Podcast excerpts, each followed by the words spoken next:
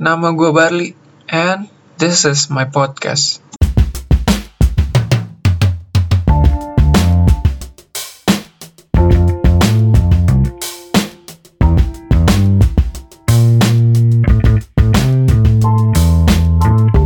Selamat datang, selamat datang di episode 1 kali ini. Mungkin sebuah episode yang sedikit suram. Karena di episode ini gue akan mulai dengan cerita kegagalan. Kegagalan siapa? Kegagalan dalam hidup gue. Banyak hal yang gue sesalin selama hampir 21 tahun hidup di dunia ini. Gue tahu masih banyak pelajaran lagi yang akan gue pelajarin ke depannya.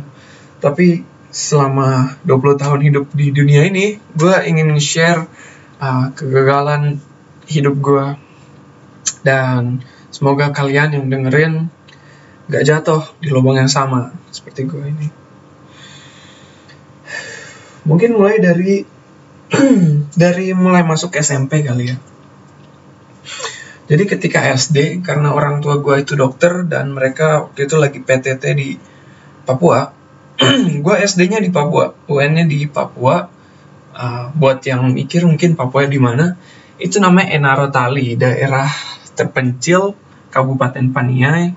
Uh, kalau dari Timika itu atau dari Nabire bisa mesin naik jeep mungkin sekitar 12 jam yang jalannya tuh lewatin sungai, uh, naik gunung dan kadang kalau jalannya bolong mobil jeep harus dorong rame-rame sama orang. Oke, okay. ketika gue SMP, gue langsung dimasukin ke sekolah internasional sama orang tua gue. Bayangin, dari Papua yang istilahnya ah, terbatas edukasinya, gue mau dimasukin ke sekolah internasional. Alasan gue dimasukin ke sekolah internasional adalah pertama karena gue gagal masuk ke penabur.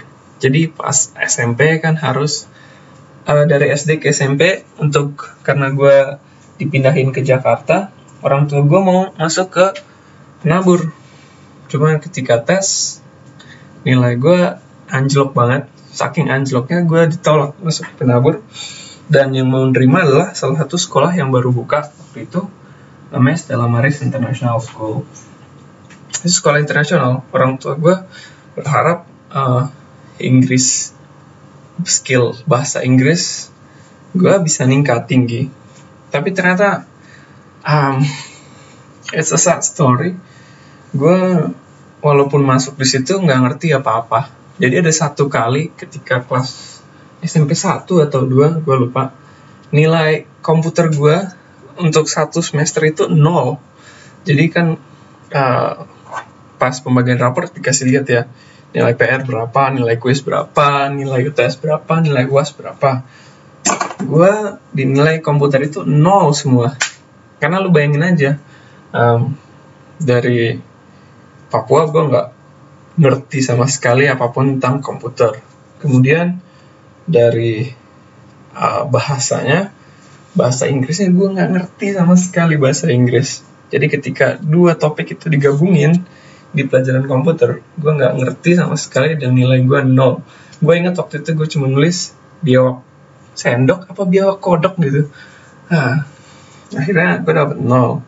Skip forward gue ke um, uh, ah, SMP kelas 3 uh, ah, masih di sekolah yang sama. Uh, Inggris gue lebih bagus karena akhirnya gue dilesin bahasa Inggris sama orang tua.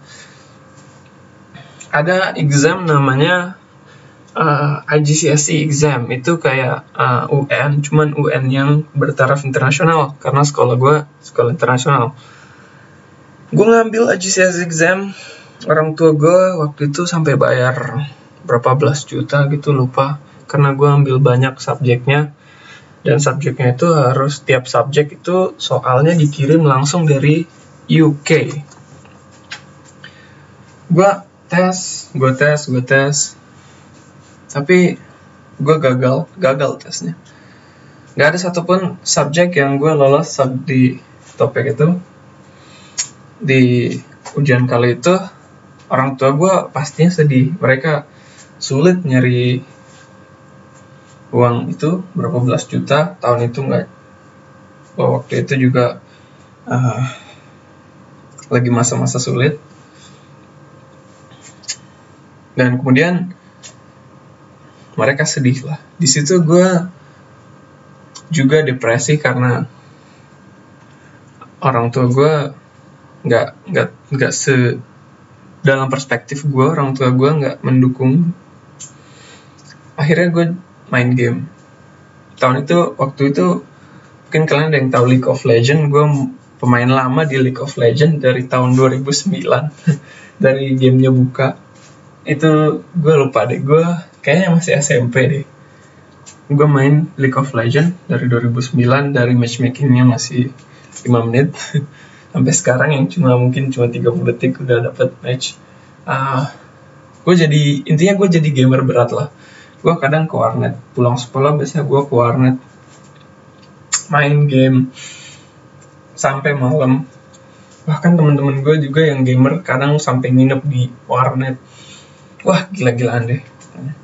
Dan skip forward lagi gue akhirnya SMA 3 walaupun nilai yang wow sangat-sangat tipis ya lulusnya. Um, gue SMA 3 again I took uh, this exam. Kali ini namanya IB exam International Baccalaureate exam. Di situ gue berusaha sedikit-sedikit berusaha lah. Uh, gue uh, gue gagal juga IB exam. Jadi uh, buat yang nggak tahu IB exam itu ketika gagal tetap dikasih sertifikat cuman sertifikatnya beda lah dengan yang gagal eh, dengan yang berhasil maksud gue jadi selama gue hidup itu sampai SMA 3 mungkin umur 17 tahun hidup gue isinya hanya kegagalan aja. Gue nggak melihat gue berhasil melakukan apa pun sampai gue SMA nilai gue pas SMP nol semua uh, UN SMP gue gagal UN SMA gue gagal. Dan akhirnya dengan berat hati sekolah meluluskan gue di tahun 2014 mungkin sampai 2014 sampai 2016 itu adalah fase-fase kegagalan gue menumpuk. Karena 2014 itu gue mutusin ah oh, nilai gue jelek nih gue mending belajar bahasa aja. 2014 ekonomi keluarga lumayan bagus. Uh, ah, gue mulai. Gue keluarga gue akhirnya bisa beli rumah tahun 2014 dan karena ekonomi lumayan bagus gue berharap gue bisa ke Cina. Cuma setelah mikir-mikir pergumulan yang panjang gue berdoa. Itu saat-saat salah satu saat yang di mana gue lumayan religius ya karena setelah SMA ada option milih kuliah ada option juga yang gue pikirin adalah belajar bahasa ke uh, Beijing waktu itu. Gue belajarlah bahasa Beijing gue, gue belajar bahasa Mandarin ada guru lesnya gue belajar bahasa Mandarin. Dan ketika mau mau ketika mau ke Beijing itu gue berubah pikiran. Gue bilang enggak ma apa uh, aku netapin pilihanku sendiri aku mau jadi dokter kayak kalian. Orang tua gue kaget dong udah dipersiapin ke Beijing mateng-mateng. Lah gue sekarang mau jadi dokter. Dan ijazah gue nggak ada. Gue seperti yang gue ceritain tadi gue gagal di SMP gue gagal di SMA gue nggak punya ijazah uh, UN ataupun ijazah yang mengatakan bahwa gue udah lulus SMA I'm as good as lulusan SD aja dan ya udah akhirnya orang tua gue nyetujuin karena mungkin mereka melihat my determination is pretty good. Akhirnya uh, gue harus nunggu satu tahun. Itu tahun 2014 gue harus ngambil paket C di tahun 2015 berarti. Gue udah telat setahun kan ya nih di 2015 itu karena yang gue ambil paket C IPS makanya yang bisa gue ikutin ujian untuk dokter itu adalah SBMPTN only. Only SBMPTN uh, universitas swasta nggak nerima paket C. Ada sih yang terima paket C tapi paket C nggak boleh ngambil uh, kedokteran karena paket C-nya IPS akhirnya tahun 2014 itu gue masuk bimbel di BTA 8 orang tua gue sampai tiap minggu tiap hari minggu abis gue pulang gereja langsung buru-buru ke uh, Jakarta Selatan nganterin gue karena gue tinggal di BSD mereka ke Jakarta Selatan macet-macetan. Jam 12 sampai jam 5 gue ngeles di BTL 8 setahun itu. Dan akhirnya pas tahun 2015 ujian SBMPTN datang. Ketika gue ujian SBMPTN gue masih inget waktu itu gue milih pertama kedokterannya itu uh, Udayana. Kedua gue milih kedokterannya itu UPN ketiga gue milih kedokterannya itu di uh, di Makassar. Gue lupa apa. Uh, gue milih UPN karena waktu itu UPN baru jadi PTN dan dan dan chance buat gue masuk kedokteran di sana cukup gede lah. Sebulan kemudian hasil SBMPTN keluar, gue dinyatakan gagal. Gagal, gagal lagi, gagal lagi. Selalu gagal hidup gue. Saat itu gue mikir, wah, hidup gue selalu gagal ya. Akhirnya gue mutusin untuk ngikut terakhir kali, bukan ujian mandiri, tapi uh, semacam ujian mandirinya UNS, tapi cuma pakai nilai SBMPTN. Karena saat itu gue udah hopeless, ya udahlah, gue mau gimana lagi gak tahu hidup gue mau kuliah ke mau enggak ke akhirnya gue uh, ikut yang SBMPTN-nya UNS uh, ujian mandirinya UNS yang cuma pakai nilai SBM gue milih pilihan satunya of course dokter. Pilihan duanya gue masukin teknik mesin. Ini ini ini ini nih yang mengubah hidup gue I never thought I could be like this right now. I could be in this position right now gue milih pilihan kedua teknik mesin. Pas dan pas hari pengumuman itu datang malam sebelumnya gue mimpi. I know this is this is ridiculous this sound ridiculous especially coming from me. Um, gue mimpi bahwa gue keterima di UNS teknik mesin. And, and, and, and, and paginya itu jam 11 gue langsung cek gue berharap banget gue bisa keterima FK-nya kalau gue nggak keterima FK-nya ya udah gue nggak tahu mau ngapain lagi. Mungkin tunggu tahun depannya lagi. Dan ternyata gue keterima di teknik mesin UNS fast forward gue belajar di UNS ngambil teknik mesin dan ternyata it's a very interesting uh, major to be in. Jurusannya menarik banget. Gue gue belajar fisika gue belajar uh, matematika dasar lah intinya waktu itu. Dan uh, itu semua langsung bisa diaplikasikan ke ke dunia nyata. Um, akhirnya gue mutusin bahwa oke okay, kayaknya teknik mesin ini pilihan yang tepat buat gue dan gue bilang ke orang tua gue maaf pak kali ini aku mau belajar yang benar. Aku mau bimbel lagi. Uh, boleh nggak kalau aku ngebimbel waktu itu di Solo? Uh, ah, gue ngambil Ganesha Operation GO dan akhirnya orang tua gue ngasih uh, mereka bilang oke okay, kamu belajar yang benar ya. Kuliahnya waktu itu gue tinggalin teknik mesin yang di UNS gue tinggalin untuk fokus belajar di uh, di Ganesha Operation. Huh.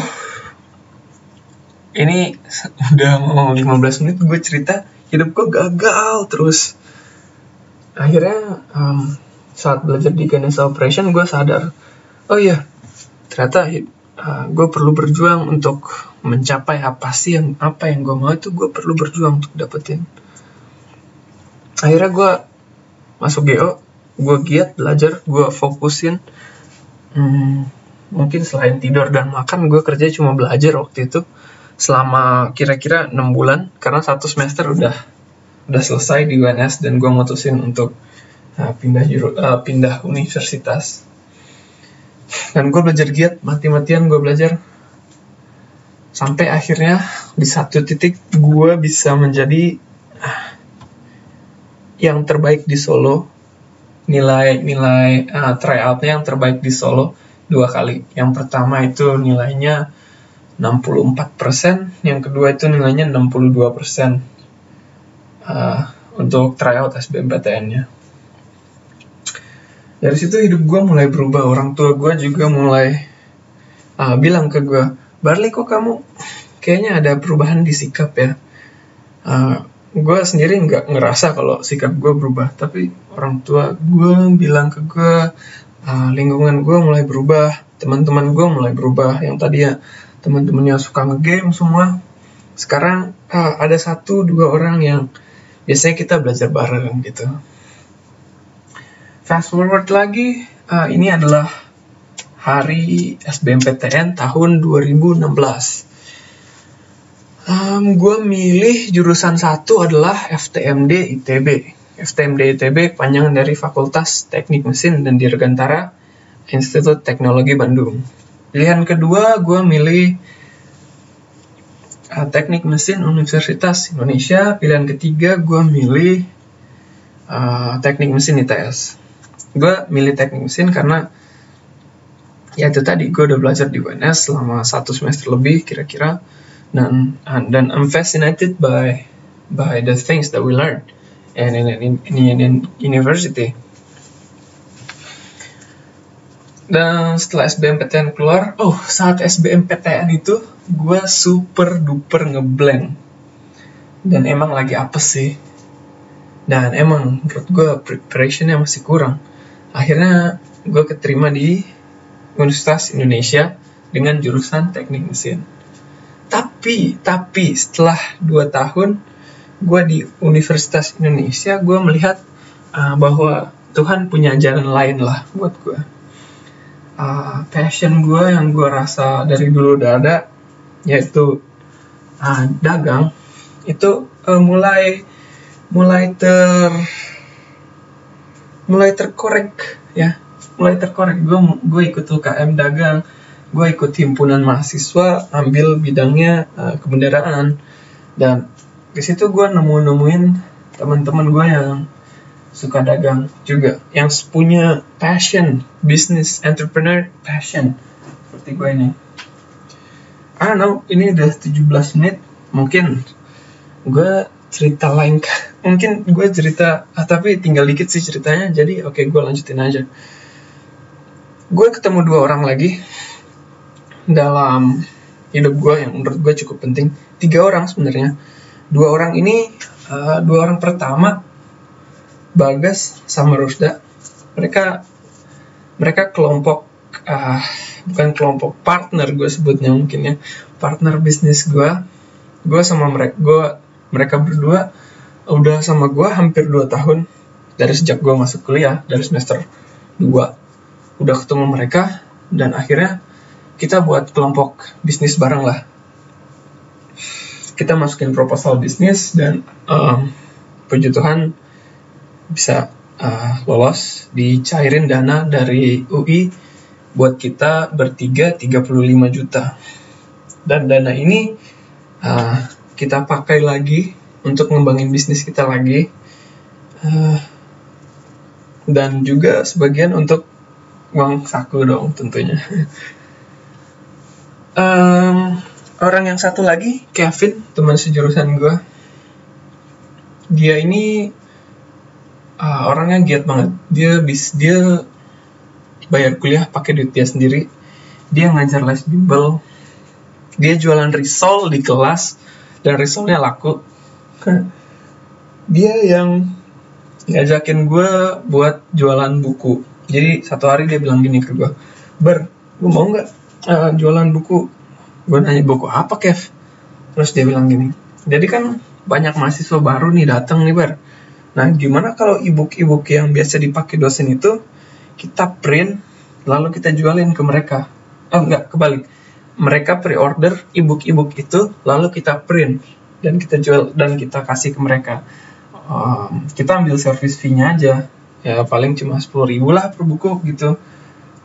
Dan gue tertarik dong sebagai ah, sebagai gue punya uh, jiwa entrepreneurship akhirnya gue jualan buku sama Kevin. Dan puji Tuhan kita udah mau dua bulan inilah jualan buku uh, baru sebenarnya baru tahun ini kita jual buku di pas maba datang. Dan untungnya lumayan lah buat uh, ngisi-ngisi uang saku. Kira-kira itu yang gue udah lakuin selama 21 tahun hidup gue ini uh, beberapa accomplishment yang cukup besar bagi gue sendiri nggak tahu bagi kalian gimana Well, sebenarnya dari podcast ini yang ingin gue sampaikan untuk menyimpulkan ya, bahwa jangan menyerah. Well, ada saatnya kita lihat mungkin kenapa sih Tuhan ngasih kita ke jalan yang ini, gue nggak mau jalan yang ini Tuhan. Tolong pindahin gue ke jalan yang itu tuh. Tadinya gue menjadi dokter, cuma akhirnya gue Tuhan membawa gue ke jalan yang ini. Gue masuk teknik mesin UI udah masuk tahun ketiga. Uh, bentar lagi lulus. Doain aja ya teman-teman. Hmm, gue berharap sih uh, lo bisa terinspirasi sedikit dari cerita gue ini I know I'm not a, a very good uh, storyteller. Gue bukan tukang cerita yang jago banget. Tapi gue berusaha menyampaikan apa yang gue pikirkan selama ini dan berharap kalian bisa uh, mendapatkan suatu value harga. Ada harga yang bisa gue sampaikan ke kalian semua. Gue mulai podcast bukan karena pengen nyari duit tapi karena pengen uh, berbagi apa yang gue punya buat kalian semua I hope you enjoy this podcast. Uh, itu hidup gue selama ini. Di episode ke depan gue akan share-share tentang pengalaman-pengalaman yang lainnya. Dan undang-undang um, tamu-tamu yang tentunya lebih asik lagi. Intonasi gue kadang kedengeran datar. I hope you bear with me.